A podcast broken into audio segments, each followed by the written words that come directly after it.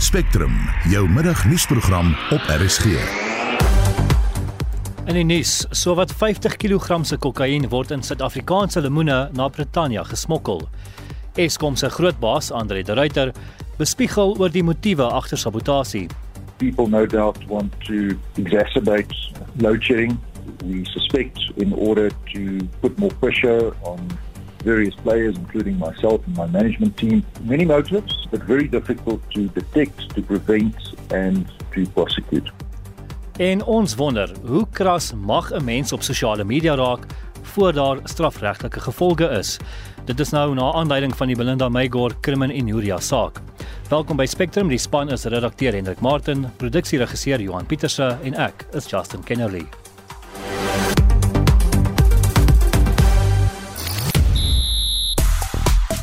Goeiemiddag.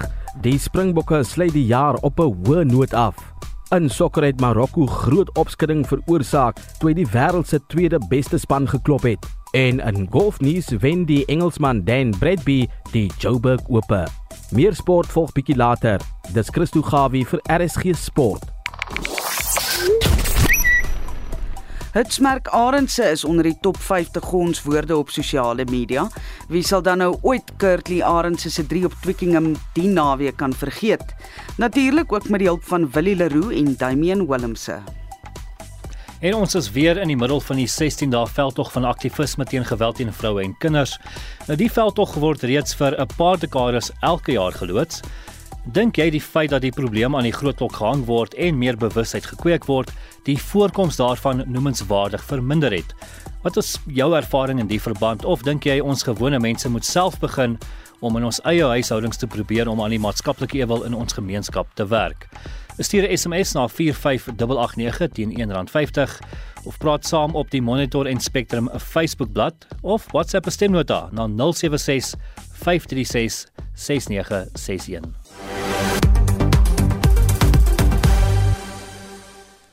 News24 het vanoggend onthul dat die sogenaamde Don van Tenders by die Tembisa Hospitaal aan die Gautengse Oosrand, Mboneni Mamela se ma, Ngwani, in Maart vanjaar 30 miljoen rand bestee het om twee woonstelle in Seepunt te koop. Dit is slegs 'n jaar nadat sy afgetree het as direkteur van openbare gesondheid by die gesondheidsdepartement in Limpopo. Die ondersoekende joernalis Jeff Wicks en sy span het reeds onthul dat 381 miljoen rand se tenders aan Mamela en sy maatskappye toegeken is. Talle transaksies en tenders is deur die vletjieblasser Babita Diokaran ondersoek voordat sy verlede jaar in 'n sluipmoordaanval vermoor is. En ons praat nou met Jeff Wicks. Uh, good afternoon Jeff. Good afternoon. Thank you so much for having me. Can you give us a rundown of your investigation and the latest findings? Well, um, that's it's, it's, quite a broad question to answer, but the, the, fundamentals of what we've been doing is looking into what Babita Diokaran was investigating in the weeks before her death. And we know now from this investigation, which we've been doing for longer than a year, was that she discovered anomalous spending patterns at Tembisa Hospital, and that's what she blew the whistle on. Three weeks before she was murdered, she filed a very contentious report which named hundreds of companies and identified more than a thousand individual transactions that she felt required more scrutiny. And within 19 days, she had been murdered.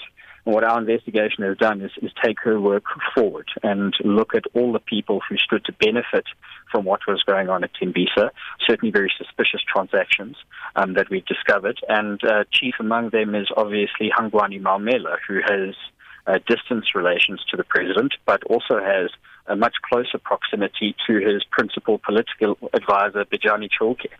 Um, and they are one of many people that we've identified during the course of our investigation who banked millions from uh, a government hospital which struggles to feed their patients and is also beset by staff shortages. Have you been contacted by the authorities, you know, like the Hawks, for example, uh, uh on your findings? No, we've not. Um, we've um, we've been acting in the public interest, and we've done our best to take all of the information that we found during the course of this investigation and make it public. What those arms of law enforcement choose to do with that is up to them. Um, but we believe that this is a very important story, not only because of uh, the role whistleblowers play in our society, but the fact that this is a woman who was murdered and her relatives now have to trudge through life without her. Um, and that's beyond the fact that this con- um, this concerns nearly a billion rand in public funds. Now, Jeff, you did mention now that um, your investigation is in the public interest, um, but do you have to share whatever information you find with the authorities or the police? No, um, I mean, these are arms of law enforcement who um, have powers far more sweeping than ours. What we are doing is taking documents that we've managed to obtain during the course of this investigation and putting it in the public domain. Um, whether that shows their inaction up or not, um, that remains to be seen. But there's nothing stopping um, arms of law enforcement taking the works that we've put into the public view and doing their own investigations, which we hope they will do. Because one of the fundamental tragedies of this entire matter is that Babita Deokaran raised the flag and blew the whistle on fraud, and her report, which was filed before she was killed, was buried. Another Gauteng Department of Health report, which found exactly the same thing, was um, also resigned to the same fate. So we want to make sure that everything that was going on at that hospital and everything that she found is pushed into the public domain and hopefully force some action on the part of the authorities. I mean, this does sound like a massive undertaking, a lot of work that you have to do. Uh, how long have you guys been working on this investigation? Uh, well, um, the investigation has had several phases, and we've looked at um, a number of different tropes, but work began after she was murdered. Um, and then this latest phase of the investigation under a, a, series which was published on News 24 titled Silence, that began in July. But it was months prior to that of reading and digging and trying to understand exactly what was going on at that hospital and what Babita found.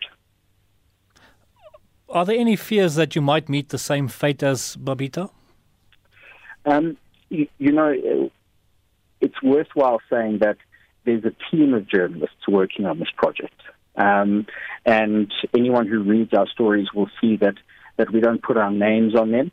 And, and that's, a, that's, that's a, a, um, a safety measure that we've undertaken. Um, in terms of um, my safety, because I speak so much about this, we're of the view that it's too important a story um, just to let slip away and um, we'll continue to do the work that we're doing. But we we have taken measures to uh, to ensure that we have um, more protection than Babita Deokaran had when she was killed. Sê dan dit was die hoof van Nuus 24 se ondersoekspan oor die Tembisa Hospitaal, Jeff Wicks. Nou diefstal en sabotasie by Eskom se kragstasies lei tot bykomende fases van beurtkrag. Dit is wat die bestuurshoof van Eskom, Andre de Ruyter, vanoggend op ons susterstasie SAFM gesê het. De Ruyter het oor 'n voorval gepraat waar klippe, plaks van steenkool, by die Majuba kragstasie in Mpumalanga afgelewer is. De Ruyter sê daar was 'n reeks voorvalle wat van steenkooldiefstal tot sabotasie strek. The issue is quite pervasive and it is obviously very serious. We've also had incidents recently at Letaba Power Station where persons unknown tried to cut through a conveyor belt which feeds coal into the boiler, so that would have led to significant disruption. We do have mysterious failures, oil leakages, where the sight glasses, uh, where you can see what the oil levels are on a piece of equipment where those are knocked out. So this is a serious problem and it is quite wide-ranging. Hy sê ook dis moeilik om altyd die motiewe agter die sabotasie vas te stel. In the case of Camden, when we apprehended the suspect, the individual confessed and he admitted that he had been told, and we're still trying to understand by whom, who the, what the benefits were would be to his employer to gain more work out of the equipment breaking down. And this is a pattern we found at other power stations as well. In sommige gevalle word die bestuurders van vragmotors R20000 vir hulle vragte steenkool betaal. Die goeie steenkool wat vir Eskom se kragstasies bestem is, word dan met swak gehalte steenkool vervang.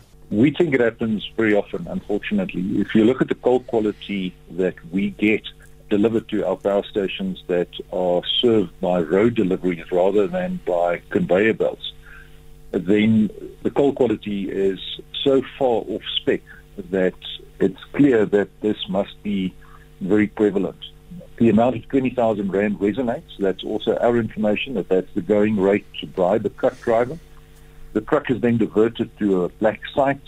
The coal is replaced with so-called discard coal, which is coal that's so bad that it can't be sold to anyone else, not even to Eskom. and that is the coal that gets delivered. And of course, coal then gets exported uh, predominantly to Europe at three times the price that Eskom pays for. Die ruiter sê hierdie soort misdaad beteken meer fases van beerdkrag vir die gebruiker.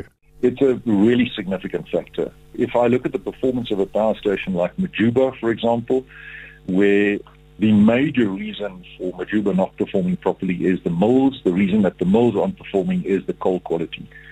So I would say that on average, there's a stage or two stages of load shedding that can be attributed to all of this criminal activity. Dit was Andre de Ruyter, die bestuurshoof van Eskom, in gesprek met Steven Grootes van SAFM. Ek is Hendrik Martin vir SAK nuus. Die volgende bydrae mag dalk besonderhede bevat wat sensitiewe luisteraars kan ontstel. Die Menseregte Kommissie ondersoek die WhatsApp-uitbarsting van Belinda Meygor waarin sy onder meer voorstel dat swart vroue se baarmoeders uitgesny en swart mans doodgeskiet word. Meygor is in hegtenis geneem en verskyn volgende jaar in die hof na 'n saak van crimen injuria teen haar aanhange gemaak is. Die menseregte kommissaris Andre Gaum sê hulle sal 'n eisbrief aan my aan uh, Meygor stuur en op grond van haar reaksie sal hulle besluit oor die volgende stappe. Hy gee duidelikheid oor die opsies wat aan hulle beskikbaar is om hierdie soort sake te hanteer. Gevalle soos hierdie wat duidelik prima facie haatspraak is, word deur die kommissie ondersoek of na die gelykheidshof verwys. In ernstige gevalle soos hierdie is die gelykheidshof gewoonlik 'n goeie opsie in die lig van die omvangryke regshulp wat die hof kan verleen ten einde seker te maak dat die uitlatings die nodige gevolge het soos byvoorbeeld die betaling van skadevergoeding en diversiteits- en sensitiwiteitsopleiding vir die persoon wat die oortreding begaan het. Omdat haatspraak en onbillike diskriminasie ook sistemiese dimensies het, is die Menseregte Kommissie besig om saam met die Departement van Basiese Onderwys te werk om 'n diversiteitsprogram vir alle skole te ontwikkel wat leerders, onderwysers en ouers kan betrek. Ook ontwikkel ons saam met die departement 'n model mensereg gebaseerde gedragskode vir skole. Die menseregte kommissaris Andre Gaum. Intussen het lede van Azapo vanoggend betoog buite Belinda Meygor se woning in Boksburg. Die organisasie se Kekeletso Kena sê dat rasisme nie geduld word nie. Unfortunately, it, it, seems as though South African racists are pervasive and there aren't systems in place to reduce racism in South Africa. I think we are here today to send a message to racists that we don't want you to apologize anymore. What we actually want you to do is leave our country. Die saak het 'n wending geneem toe die voorsitter van die huiseienaarsvereniging by die hek met betogers gepraat het. I don't know who you're talking about. So what number does she stay we in? We don't know. We know that she stays here. Don't have anyone by the name of Belinda McCall here. You don't? No, not that I'm aware of. There's only 21 units here. And I know all the people by their first name. And I'm not aware of a Belinda. If they had more details like a unit number, we could address the problem further. But at this point in time, what can I say? Well, I can't allow them into the complex just to rant and rave when they don't have any actual information. Do you know anybody by the name of Belinda in this complex? That's what I've come to find out yeah. who Belinda is. Yeah. I honestly don't know who Belinda is. As the chairman of the complex here, I can't give you any further assistance regarding that. Ons bly by die storie en verskuif die fokus na WhatsApp groepe en die boodskappe wat daarop gedeel word. Ons praat nou met die redakteur van My Bro My Broadband bin Siwa.za Jan Vermeulen. Goeiemôre Jan.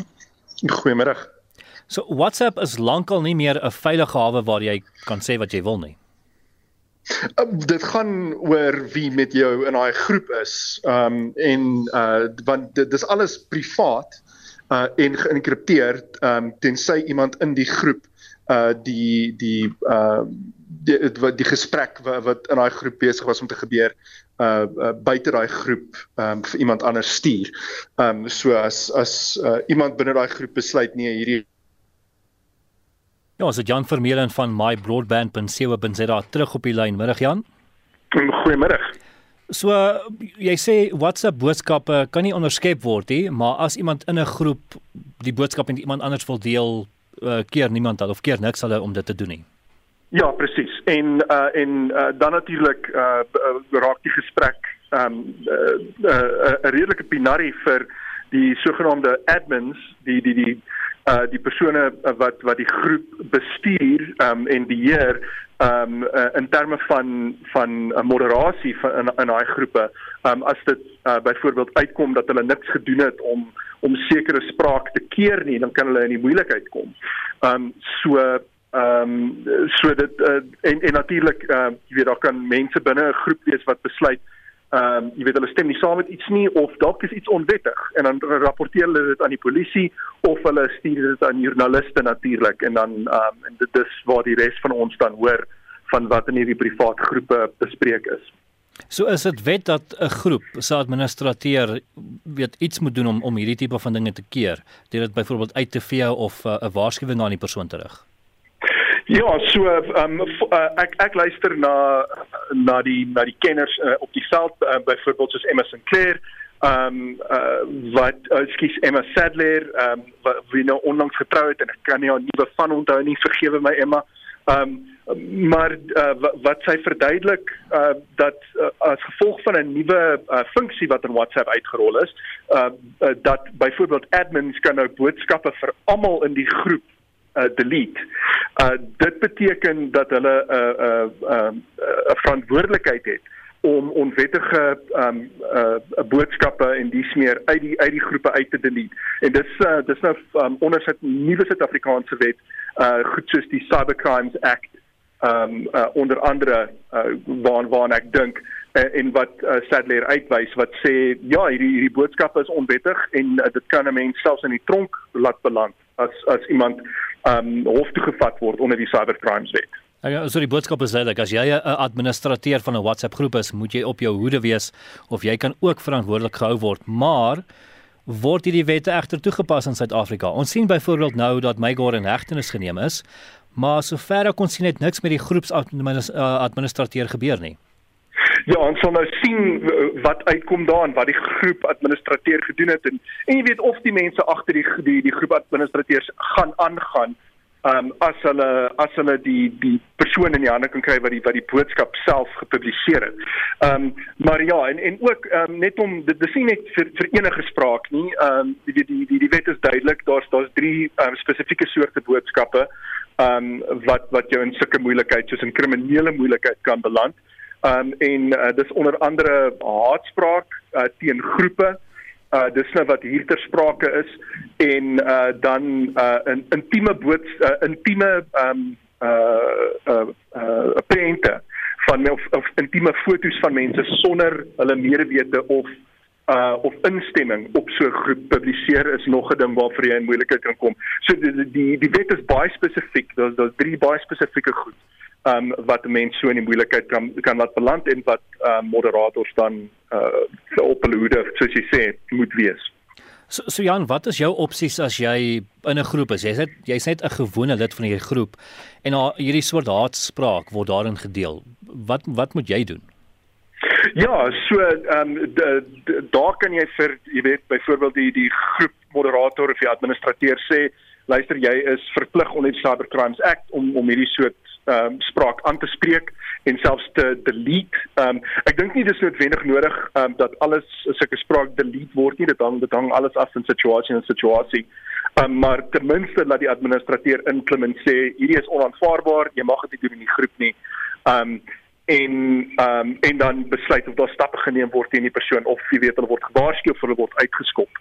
Ehm um, en uh en so uh, as 'n gewone uh, lid van 'n groep is jou opsie om of uh, vir die moderator in kennis te stel, luister hierdie ding het gebeur, um, en en jy moet uh, stappe neem of uh, dan natuurlik doen, jy weet wat ons soveel keer sien gebeur hier in Suid-Afrika en dis sit dit op op sosiale media of gee dit aan aan die pers um, en dan uh, word daar um, weet 'n uh, hele groot dwaai opgeskop daaroor. Dis dis basies die, die twee opsies. Dis dan natuurlik, jy weet jy jy kan nie um, die ander langpad stap en dit probeer by die polisie aanmeld um of uh of so iets maar ek ek ek kan nie insien dat dit regtig uh 'n soort gelyk uh, uh jy weet 'n vinnige so vinnige effek gaan hê um as as wat dit gaan wees om dit net op jy weet in die in die publiek uh in te sit soos wat ons sien gebeur met hierdie goed hè. Hmm. En dit was die redakteur van my broadband.co.za Jan Vermeulen. Nou die voormalige Steinhof bestuurshoof Marcus Jooste sal waarskynlik vroeg volgende jaar in 'n Duitse hof op aanklagte van bedrog verskyn. Die kantoor van die staatsaanklaer in Oldenburg sê twee voormalige direkteure van maatskappye in die Steinhof groep is ook aangekla. Intussen wil die Suid-Afrikaanse owerheid ook vir Jooste vervolg. En ons praat met 'n regskenner verbonde aan die Universiteit van Pretoria, Llewellyn Kerloos. Goeiemôre Llewellyn. Goeiemôre. So vertel ons, hoe werk so 'n saak wanneer 'n party oorsee en plaaslik aangekla word van 'n misdaad? Wel in die eerste instansie gaan Suid-Afrika na Suid-Afrika se eie uh belange kyk. Met ander woorde, uh wat normaalweg gebeur is indien daar dan 'n strafsaak aanhange gemaak word, wat wel is waar die geval is in hierdie in hierdie situasie, dan gaan Suid-Afrika waarskynlik eers seker maak dat ons die saak nie so afhandel voordat ons uh bereid sal wees om uh, in hierdie geval vir Marcus Jooster natuurlik dan ehm um, uit te lewer of te oorhandig aan die Duitse owerhede sodat hulle hulle vervolging kan afhandel en finaliseer. Wat baie keer gebeur het, uh as hy skuldig bevind word byvoorbeeld en daar word gesanksie van sê net maar tronkstraf opgelê, dan gaan jy eers jou tronkstraf hier uitdien en wanneer dit verstryk het en jy dan vrygelaat word, dan is daar natuurlik dan die reperkusies dat jy dan op daai stadium gewoonlik uitgelewer word aan die land met wie ons 'n uitleweringsooreenkoms het en op die voorwaardes en terme wat tussen die onder die die die twee regerings natuurlik bewerkstellig word. Dit kan natuurlik gebeur en ons weet in Suid-Afrika vat hofsaake vreeslik lank en uh jy weet daar's allerlei uh Stalingrad tegnieke wat gepleeg word soos wat ons gesien het met hofsaake wat uh, onlangs in die media natuurlik tentoongestel is ensovoorts dat die Duitsers ons baie vinniger vooruit is en dat hulle dalk besluit om hom eers aan te kla en dat hy eerste daarso dan natuurlik pleit op die uh, klagtes teen hom en wat ook al dan die uitkoms daar is sal hulle natuurlik dan eers toesien dat hy eers sy vonnis daar uitdien voordat hulle hom sal terugstuur Suid-Afrika hier te kom pas dan vir sy sondes hierdie kant. Maar jy weet, ek moet dit baie duidelik bysê. Ehm um, dis 'n feite vraag wat ons nog min inligting of nie genoeg inligting het om 'n uh, totaal uh, ingeligte uh, regsmening uit te spreek nie want dit hang ook af of daar 'n duplisering van hierdie misdade plaasvind. Die wêreldwyd is daar 'n internasionale beginsel in die strafreg wat sê dat jy nie twee keer vir dieselfde misdaad uh, aangekla kan word nie. Ek meen dit sal onreg onregverdig wees en dit is 'n uh, dis 'n erkende beginsel reg reg oor die wêreld dat as jy eenmal skuldig bevind is in 'n misdaad jy nie daarop volgens weer keer aangekla kan word uh, vir dieselfde misdaad nie. Die Engelse praat baie keer van die double jeopardy beginsel. Uh, en dit is 'n internasionale erkende regsbeginsel. So uh mits op die voorwaarde dat dit twee afsonderlike misdade daarstel, die een in Suid-Afrika en die een in Duitsland, kan jy sekerlik dan reg staan op beide, maar vir sover daar 'n oorvleeling is en dit dieselfde feite en dieselfde ehm um, aangeleentheid is, sal dit dan of die een of die ander wees, welke een ook al eerste plaas vind. So uh, Duitsland en Suid-Afrika of die owerheid uh, sal dan met mekaar praat en en ja. half beplan weet wie gaan wat doen. Ja, wel ek kan nie sien dat dit anders gaan uitspeel nie. Ek meen uh, dit dit sal uh, vertiel wees en dit sal 'n vermorsing van hulpbronne wees indien albei op hulle eie stoom hier voortgaan uh, letterlik voortploeter sonder om te weet wat die ander in gedagte het en hoe ver die ander se onder uh, ondersoekwerk uh, alreeds gevorder het. Ehm um, wie gaan wie gaan hom aankla in in terme van wat se uh, wetgewing. Dit mag dalk gebeur dat in Suid-Afrika 'n sekere toedrag van sake nie 'n misdaad in Duitsland daarstel nie en vice versa uh, in watter geval beide lande natuurlik vir sover daardie handeling 'n misdaad in daardie regstelsel daarstel uh, 'n uh, vervolging vir daardie spesifieke misdaad kan bewerkstellig. Maar ek dink die maklikste en die regte ding sou wees is dat die DOV van die onderskeie lande natuurlik bymekaar kom en 'n geïntegreerde uh poging aanbied om 'n beslissing te voer wie gaan wat doen uh, onder die omstandighede om seker te maak dat daar nie duplisering van een of ander aard plaasvind nie. So ek alhoewel ek moet seker maak ek het jou vroeër reg gehoor. As Jooste argumente onthaalwe in Duitsland gefonnis word, moet hy eers die vonnis daar uitdien voor hy weer in Suid-Afrika aangekla kan word. Ja, kyk wat gebeur is, uh, daar's daar's nie, daar's nie dis nie dis nie 'n stelreël wat altyd uh, in alle omstandighede geld nie. Natuurlik kan die Duitsers sê maar ons ons wil hom eers hier so vir 'n dag in ons tronk hê en ons gaan hom dadelik terug deporteer Suid-Afrika toe want ons wil nie nog verdere belastinggeld mors om hom in die tronk te sien uh hierso en om te kyk nie. Ehm um, maar uh dit sal dit, dit, dit normaalweg sê die die regstelsels van die onderskeie lande waar jy skuldig bevind word en waar jy 'n vonnis moet uitdien. Gaan ons eers toesien dat jy jou vonnis uitdien want jy moet jy het verkeerd gedoen teenoor ons gemeenskap in ons regsgebied en daarvoor moet jy eers betaal. Met ander woorde, jy moet jou sanksie aan ons gemeenskap uh uitoefen en jy moet dit finaliseer. Met ander woorde, jy moet jou tronkstraf eers uitdien of ten minste 'n wesenlike gedeelte daarvan uitdien voordat ons jou gaan deporteer. Sodat jy nie dink wanneer jy in die toekoms sou sou oorweging skenk om terug te kom hiernatoe dat jy daarmee gaan wegkom elke keer en ons jou net dood eenvoudig gaan terugdeporteer nie. Vergelyk dit baie keer met 'n eenvoudige voorbeeld wat ons daagliks sien in Suid-Afrika en dit is natuurlik verbode migrante van ons buurlande in in Zimbabwe en Mosambiek en so aan wat misdade in Suid-Afrika pleeg. Ek meen uh, in in in baie gevalle oortree hulle die immigrasiewetgewing of hulle pleeg byvoorbeeld argumente daaroor diefstal in Suid-Afrika. Ehm um, wat is die uh jy weet watter les gaan daardie beskuldigde leer indien ons hom net dood eenvoudig arresteer voor die hof bring skuldig bevind en dieselfde dag dan deporteer sodat hy oormôre weer in Suid-Afrika kan wees en dieselfde misdaad pleeg. So wat ons doen is ons klam aan ons ons laat hom sy tronkstraf uitdien vir die misdaad wat hy gepleeg het, naamlik die oortreding van immigrasiewetgewing sowel as die diefstal wat hy gepleeg het as die mensonthaalwe en eers by verstryking daarvan dan wil ons hom letterlik ontslaa raak en hom terugdeporteer na die land van sy herkoms toe. Ehm um, uh natuurlik is daar altyd die risiko dat hy dan in die toekoms moontlik weer dieselfde sal doen, maar ten minste het hy ehm um, het hy 'n vorige veroordeling in Suid-Afrika en sou hy dan in die toekoms ooit weer dieselfde misdaad pleeg, dan word hy natuurlik uh, swaarder gefonnis volgende keer want hy's nie meer die eerste oortreder nie en hy is die het 'n vorige veroordeling. Okay, dit was die strafregkenner Llewellyn Kerloos. Die Britse polisie het beslag gelê op 49 kg kokain wat in horlosiebokse verpak en onder lemoene versteek is. Die lemoene is van Suid-Afrika na die Verenigde Koninkryk uitgevoer. Britse owerhede het inligting opgevolg nadat hulle 4 maande in Londen in hegtenis geneem het. En ons praat nou met Lobo Das Neves, die voormalige hoof van die narkotika buro aan die Wesrand. Goeiemôre. Goeiemôre. So met veral die uitvoer van vrugte, lemoene of vleis is daar talle regulasies wat nagekom moet word en maatreëls wat gevolg moet word. Hoe op aarde kry dwelmhandelaars dit reg om verby inspeksiepunte te kom wanneer elke krat lemoene uh, geïnspekteer word? Wel daar is baie maniere ehm um, insluitend korrupsie, ehm um, insluitend swak dienste wat deur die owerhede uitgevoer word en goeie verstekingsmetodes uh, ook. so is ons oorweer owerhede nog in staat daartoe om te keer dat dwelms die land binnekom of van hier af verder verskeep word? Die owerhede kan net soveel doen as wat menslik moontlik is. Ehm um, dit is amper onmoontlik om elke liewe uh bevinding dwelms wat in en uit gaan uh, te kan keer. Uh dis hoekom die dwelmbedryf so suksesvol is. So die uh smokkel van dwelms en vrugte het al in die vroeë 1980s gebeur in die FSA en so versprei deur die wêreld. So dis nie iets uniek nie. Met die nuwe uh, ekstraal tegnologie wat ons vandag het, kan hierdie uh, verstekingsmetodes baie maklik gesien word op uh, moderne elektroniese ware. Ek neem aan hulle gebruik nog steeds honde om hierdie dwelms te soek, maar 'n hond kan net soveel doen, of jy kan hom net vir so lank laat werk. Watter watter ander metodes gebruik hulle om om dwelms op te spoor?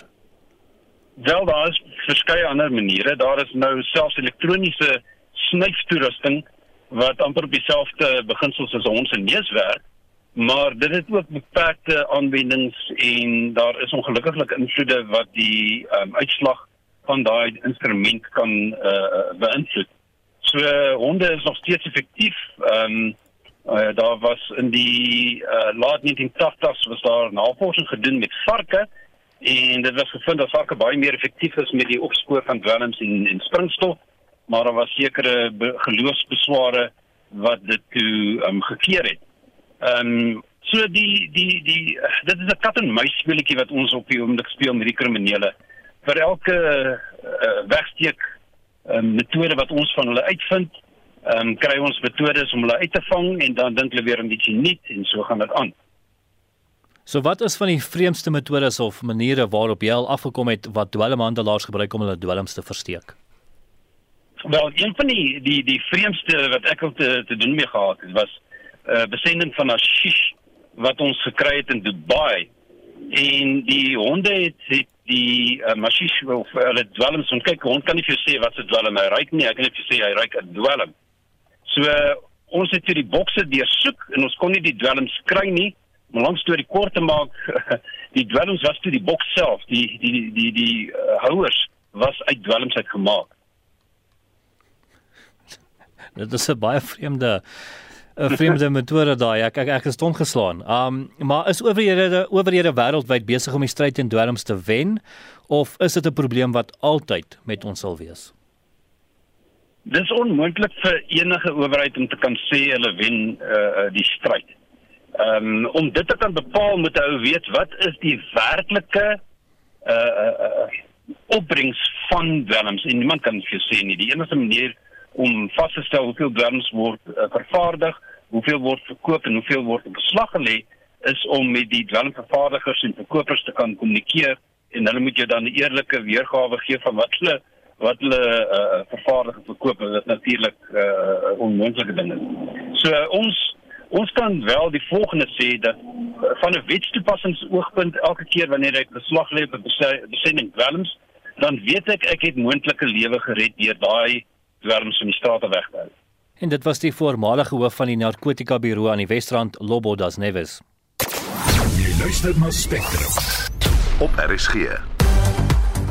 Die politieke party Azapo het aanklagte van crimen injuria, aanhitsing tot geweld en aanhitsing tot menseslagting ingedien teen die 60-jarige Belinda Meygor wat van rasisme beskuldig word. Die bestuurshoof van Eskom, Andre de Ruyter, sê sabotasie bly 'n ernstige probleem by die kragverskaffer en Iran verwerp 'n onafhanklike ondersoek van die Verenigde Nasies na die onderdrukking van betogings in die land. Bly ingeskakel.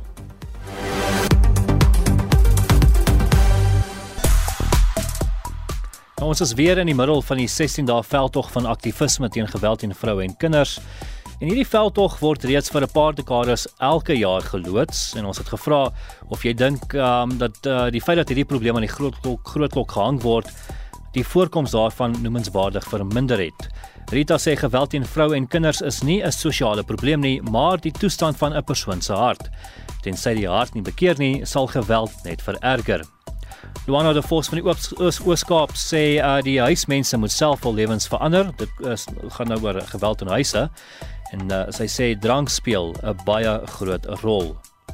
En hierdie is uh, die grootste tydmors ooit as die veranderinge nie in die hart plaasvind nie. Laat weet 'n luisteraar sal dit al altyd aanhou seermaak. En uh, Elka sê die bewys hiervan uh, of sy sê nee, die bewys dat hierdie 16 dae op toe oorval is oorverdowend elke dag in die media.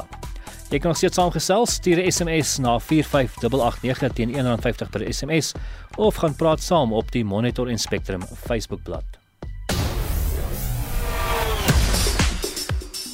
En Christo Gawie het die jongste sportnuus. Goeiemiddag. Die Springbok afrigter Jacques Nienaber het sy span se oorwinning van 27-13 oor Engeland in Londen as 'n spesiale oorwinning en grootste spanpoging beskryf. Dit was Suid-Afrika se eerste oorwinning op Twickenham sedert 2014 en was ook die span se laaste toets vir die jaar. Die Sharks het vasgeval teen Cardiff in sy VRK kragmeting in Durban.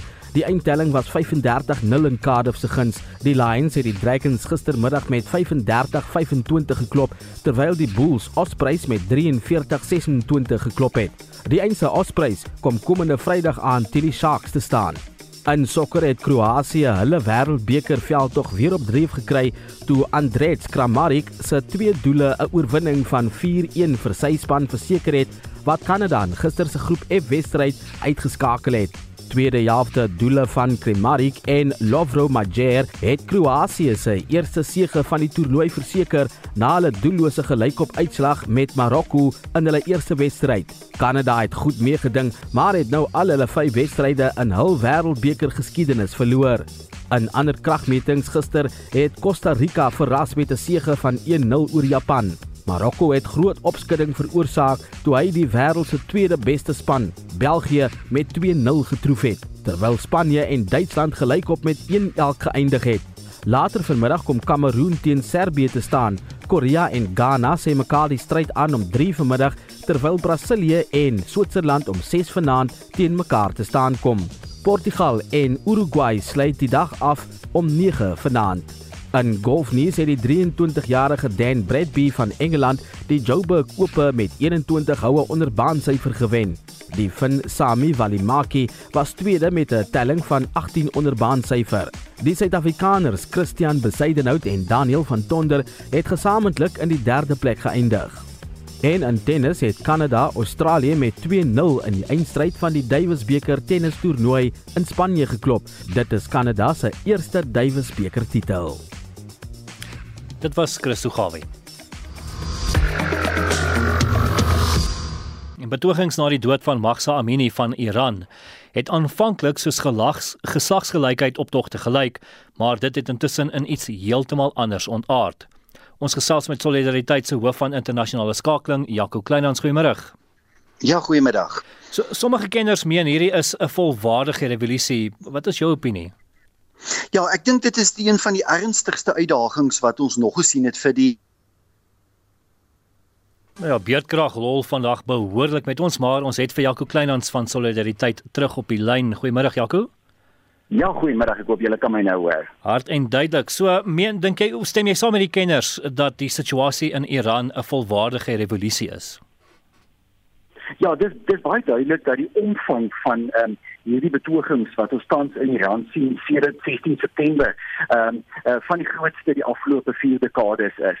Ehm um, sedert die islamitiese revolusie in in 1979 het ons nog nie betogings gesien wat so wyd versprei is uh, in Iran nie na die dood van uh, Mahsa Amini het ons gesien dat dit uit Iran die hoofstad versprei het. Um, uh, natuurlik veral gefokus was aanvanklik in Koerdistan in die noordweste, maar eintlik ook uh, versprei na die suidooste waar ons natuurlik 'n Sunni minderheid het en uiteindelik uh, in elke provinsie van Iran die afgelope paar weke weke 'n um, grootskaalse betogings in die regering in Iran wat al hoe meer sukkel om hierdie betogings te onderdruk. Gister het ons gesien dat die uh, bevelvoerder van die revolusionêre magte uh, gesê het dat hulle alles in hulle vermoë gaan doen om te onderdruk dat dit buitelandse magte is dat hierdie betogings aanmoedig maar maar dit is baie duidelik dat die bevolking van Iran uh, en veral natuurlik die meerderheid van mense wat gekant is teen hierdie uh, streng reëls uh, wat bepaal dat vroue hoofbedekking moet dra dat hierdie mense baie gemotiveerd is om met hierdie betogings voort te gaan. So dink jy hierdie burgers het nou net eenvoudig genoeg gehad van religieuse reëls en regulasies ja, en voel hulle werklik onder druk? Um, as as jy net kyk na na um, die die bereidwilligheid van mense om eintlik aan hierdie uh, betogings deel te neem. Jy weet, uh, uh, daar's alreeds meer as 400 mense dood. So mense uh, neem 'n baie groot risiko uh, om aan betogings deel te neem. Betogings word onderdruk. Ons het ook 2 weke gelede gesien dat een betoger selfs ter dood veroordeel is. Meer as 1000 mense is al in hegtenis geneem.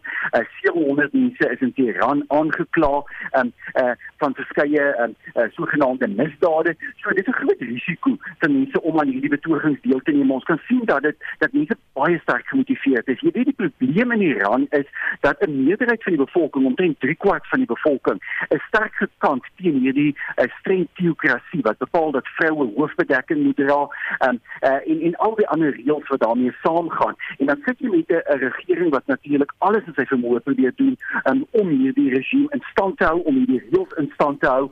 Um, en wanneer jy dan hierdie soort van van opstande kry, dan dan vat dit baie baie van mense. Dit vat groot opofferings en ek dink dit is hoekom ons al vir meer as 2 maande die skaal van betoging sien wat ons in Iran tans ervaar. Maar Jaco, waar is die vrye wêreld nou soos Amerika en die VN wat hulle self beywer vir menseregte en demokrasie? Lyk my ons het weer vir Jaco verloor. Ons sal op 'n ander stadium weer met hom oor Iran gesels, maar daai was uh, Jaco Kleinhans van Solidariteit se hoof van internasionale skakeling. Dit is net Afriforum die minister van verreging Tandi Modise genooi om met die organisasie te vergader. Dit volg nadat sy tydens 'n onlangse debat oor oorgrensmisdaad gesê het dat sekere aspekte van die voormalige komandostelsel weer in die lewe geroep moet word. Ons praat nou met die woordvoerder vir gemeenskapsveiligheid by Afriforum, Jacques Broodryk. Goeiemôre, Jacques. Goeiemôre, middag aan die luisteraars. So, hoekom wil julle met die minister vergader? En wel, ons het hierdie opmerking deur die minister baie interessant bevind. Ehm uh, weet mense sê dit ek het self verslaan dat eh uh, ANC ministers sekere elemente van die komandostelsel goed praat en wil wil terug by been bring. So ons wil vra vir die minister oor eerstens is hy ernstig oor die opmerking gewees of is dit van net weer 'n openbare betrekking oefening? Ehm um, en as hy wel ernstig is oor die oor oor die opmerking, dan wil ons graag weet wat presies is die fynere details van hierdie plan, want soos jy weet Afriforum met 159 gebied was landwyd. Ons is so 10000 vrywilligers, ons is baie ervare in die in die um, opsig van burgerlike betrokkenheid by veiligheid. So ons is seker ons kan 'n positiewe rol speel met minister leiding te gee van hoe so sulke strukture saamgestel moet word. Maar ons bly met dieselfde tyd baie skepties van ons praat ook hier van die ANC regering. Maar vertel ons net, hoekom was die komando stelsel wat in 2003 ontbind is, na julle mening so doeltreffend? Dit was nou treffend want dit was toegewyde vrywilligers wat nou saam met 'n goed opgeleide en toegewyde weermag gewerk het. Ehm um, en hierdie vrywillige groepe het ook natuurlik staatsondersteuning gehad. So hulle het al die nodige hulpbronne gehad wat hulle nodig het van die regering se kant af, iets wat ons beedwagte byvoorbeeld nie het vandag nie. Ehm um, al ons hulpbronne kom uit uit um, ledegelde uit en uit fondse uit wat beedwagte self in mekaar slaan. Ehm um, en dan natuurlik was daar ook die, die ondersteuning van 'n amptelike samewerking tussen die weermag en die en die polisie saam met die strukture. Nou ons het byvoorbeeld um, op grondvlak baie goeie samewerking samewerking met polisielede en en weermaglede, maar hoor op bestaan gewoonlik politieke indinging en dit is net iets wat mens nie gehad het tydens die tydens die komando daar nie. Die die kommandolede van destyds het almal militêre opleiding gehad. So waar gaan 'n mens nou daardie soort vaardigheid kry? Nou ek dink nie jy moet die die vaardigheid onskat wat tans in die private sektor is nie. Ehm um, ook nie jy weet onder ons baie beatwag en en en plaaswaggroepe is die ouens ook baie reeds baie goed opgelei. Um, maar mens kan ook kyk om verdere opleiding aan te bied. Jy weet Afriforum maak baie groot punt van om om al ons lede die nodige opleiding te gee wat hulle nodig het om mal werk as beatwaglede uh, veilig en binne in die raamwerk van die wet te doen. So as mens ehm um, die staatsondersteuning het om so iets te doen, dan sal dit nog makliker wees. So ons sou baie graag gesien dat die regering meer ondersteuning begin raak teenoor burgerlike veiligheid groepe. Wat ons beslis nie wil sien is dat dit net nog 'n vertakking word van die regeringsarm. Ehm um, waar as as daar meer regulasies gaan uitkom, die regering gaan probeer om hierdie tipe groepe te reguleer, dan gaan ons sit met presies dieselfde probleme waar ons nou sit in elke ander regeringsdepartement en dit is korrupsie en ondoeltreffendheid. So as jy weer die kommandos in die lewe um, kan roep, waarop spesifiek sal jy fokus? Maar ek dink jy mense mense hoef te sê dat jy die komando spesifiek weer in die lewe hoef te roep nie. Ehm um, ek dink tyd het aangestap en mense het dalk nie noodwendig meer daai militêre reserve mag soos wat mense gehad het in daai dae nie. So mense gaan moet kyk na ander tipe opleiding ehm um, om ouens met weet ons as jy daai opleiding is beslis beskikbaar. Ehm um, om ouens meer meer opgeleid te maak in in hedendaagse uitdagings en dit sal nou natuurlik fokus op van gebied tot gebied. Jy sit nie met dieselfde misdade in ehm um, Pretoria Oos as wat jy byvoorbeeld uh, in die plaas by die Ventersburg sit nie. Ehm um, so mense gaan dit gaan baie gebied voororiënteerd wees waar die lede fokus, maar die hoof fokus sal die weer die beveiliging van hul van hul omgewings, ehm um, aktiewe rol te speel in voorkoming van misdaad en uh, soortgelyke misdaadstalle af te doen. En dit was die woordvoerder vir gemeenskapsveiligheid by AfriForum, Jacques Broodryk. Vanmiddag word die saaknuus aangebied deur Dion Gosen, 'n portefeuljebestuurder by Nedbank Korporatiewe Beleggings. Middag, Justin en luisteraars. Eh, die markte in die ooste word negatief beïnvloed deur betogings oor die naweek teen die streng COVID-maatreëls wat in China toegepas word. Ons sien dat Hong Kong Hang Seng verswak met 1.6%, die Japannese Nikkei, sowel as die Australiese ASX 200 eindig laer met 0.4%. In Europa tans verhandel die Britse FTSE 100 laer met 0.4%, die Franse CAC 40 is swakker met 0.8% en die Duitse DAX is af met 0.9%. Laaslik verhandel ons algehele indeks laer met 0.1% en verhandel teen 73081 punte. Die finansiële indeks is onveranderd Nywerheidsindeks is sterker met 0.4% en die Hillbron indeks is af met 0.8%. Op die kommoditeitspryse goud uh, versterk met 0.2% en verhandel tans by 1762 dollar per fyn ons. Platinum versterk en verhandel tans by 990 dollar per fyn ons en dan goeienis goeienisse verbruikers wat die langpad gaan neem die vakansie is dat Brent olie 3.2% laer is en tans by 80.95 sent per vat verhandel. Aan die wisselkoerskant, die dollar gaan vir jou R17.08 kos, 'n pond R20.65 en 'n euro R17.90. Die R2030 staatsefek, die rentekoers is tans 10.23%. Van die belangrike ekonomiese data wat bekend gemaak word, is die werkloosheidsyfer vir die derde kwartaal môre. Die verwagting is 33.9% en dan kan luisteraars ook uitkyk vir die voertuigaankoopsyfer jaar op jaar, sowel as vir November wat donderdag bekend gemaak word. Die verwagte syfer is 45900 vir November. Die vraag natuurlik is hoe hierdie hoë rentekoerse voertuigverkope sal beïnvloed in die toekoms. Dankie. Dit is aan die einde van die sake nuus. En dit dan Dion Goosen, 'n portefeuljebestuurder by Nedbank Korporatiewe Beleggings. Nou kopers het tydens die afgelope swart Vrydag verkope meer geld aan huisware en elektroniese toerusting bestee. Dit is volgens van die groot superhandel supermarkhandelsmerke met wie die SAIK gepraat het. Aanlyn en winkelverkope het aansienlik gegroei, get, uh, groei getoon in vergelyking met vorige jare. En die visiepresident van die Game Winkelgroep, Andrew Stein, sê die meeste Suid-Afrikaners kies steeds om winkels te besoek eerder as om aanlyn te koop. In terms of the items that were most purchased over the day, well, if you look at it by units of items sold, the best items were in the homeware and essentials, for example, two liter cold drinks, one liter baked beans. If you look at the value items, in other words, the big ticket items, the biggest uh, sellers were Intel Celeron laptops, then televisions, 55 inch, 58 inch, 70 inch. Other big sellers were chest freezers, 13 kilogram top loader washing machines, and side by side fridges. Die Pick n Pay groep se bemarkingshoof Andrew Mills sê die uitdagende ekonomiese omgewing word weerspieël in die keuses wat verbruikers op hul inkopieslyste gemaak het. And if you look at the year that we have gone through uh, as a South African you know, consumer, a lot of customers are absolutely under severe pressure. And this time of the year actually comes as a relief where people can take advantage and it helps their pockets to stretch further. In die naderdraai van Swart Vrydag het kopers winkelgroepe gevra om seker te maak dat hulle genoeg voorraad het omdat talle items vinnig uitverkoop het. Nou maar die skepers het 'n baie besige oggend gehad en sy is hier met die jongste nuus en ontwikkelende stories van die dag. Ja, die Nuus 24 ondersoekspan is besig om die vletjieblaser Babita Diokaran se ondersoek verder te vat nadat sy verlede jaar vermoor is. Ons het met die hoof van die ondersoekspan, Jeff Weeks, gepraat.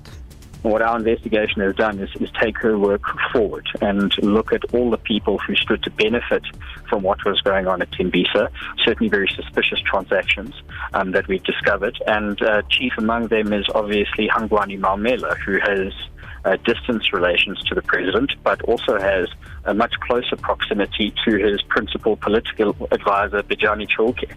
Um, and they are one of many people that we've identified during the course of our investigation who banked millions from uh, a government hospital which struggles to feed their patients and is also beset by staff shortages.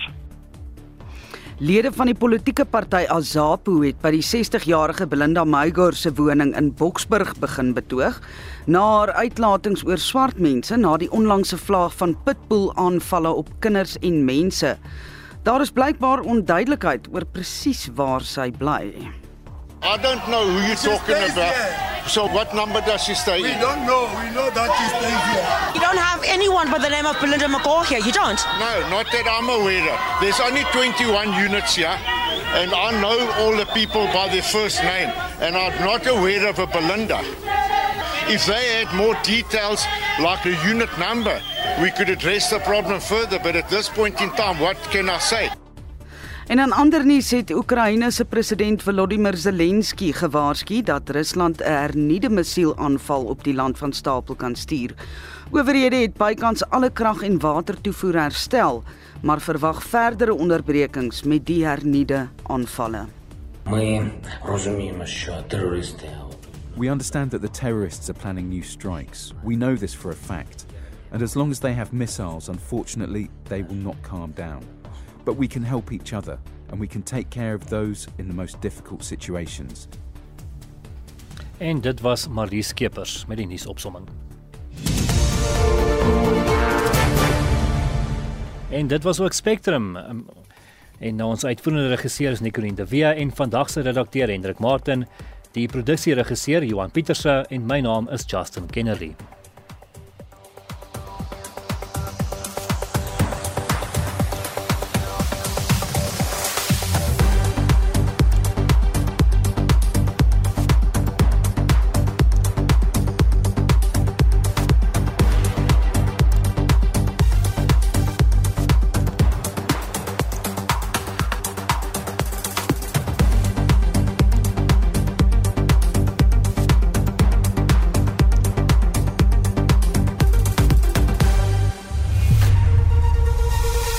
SAK nuus. Onafhanklik, onpartydig.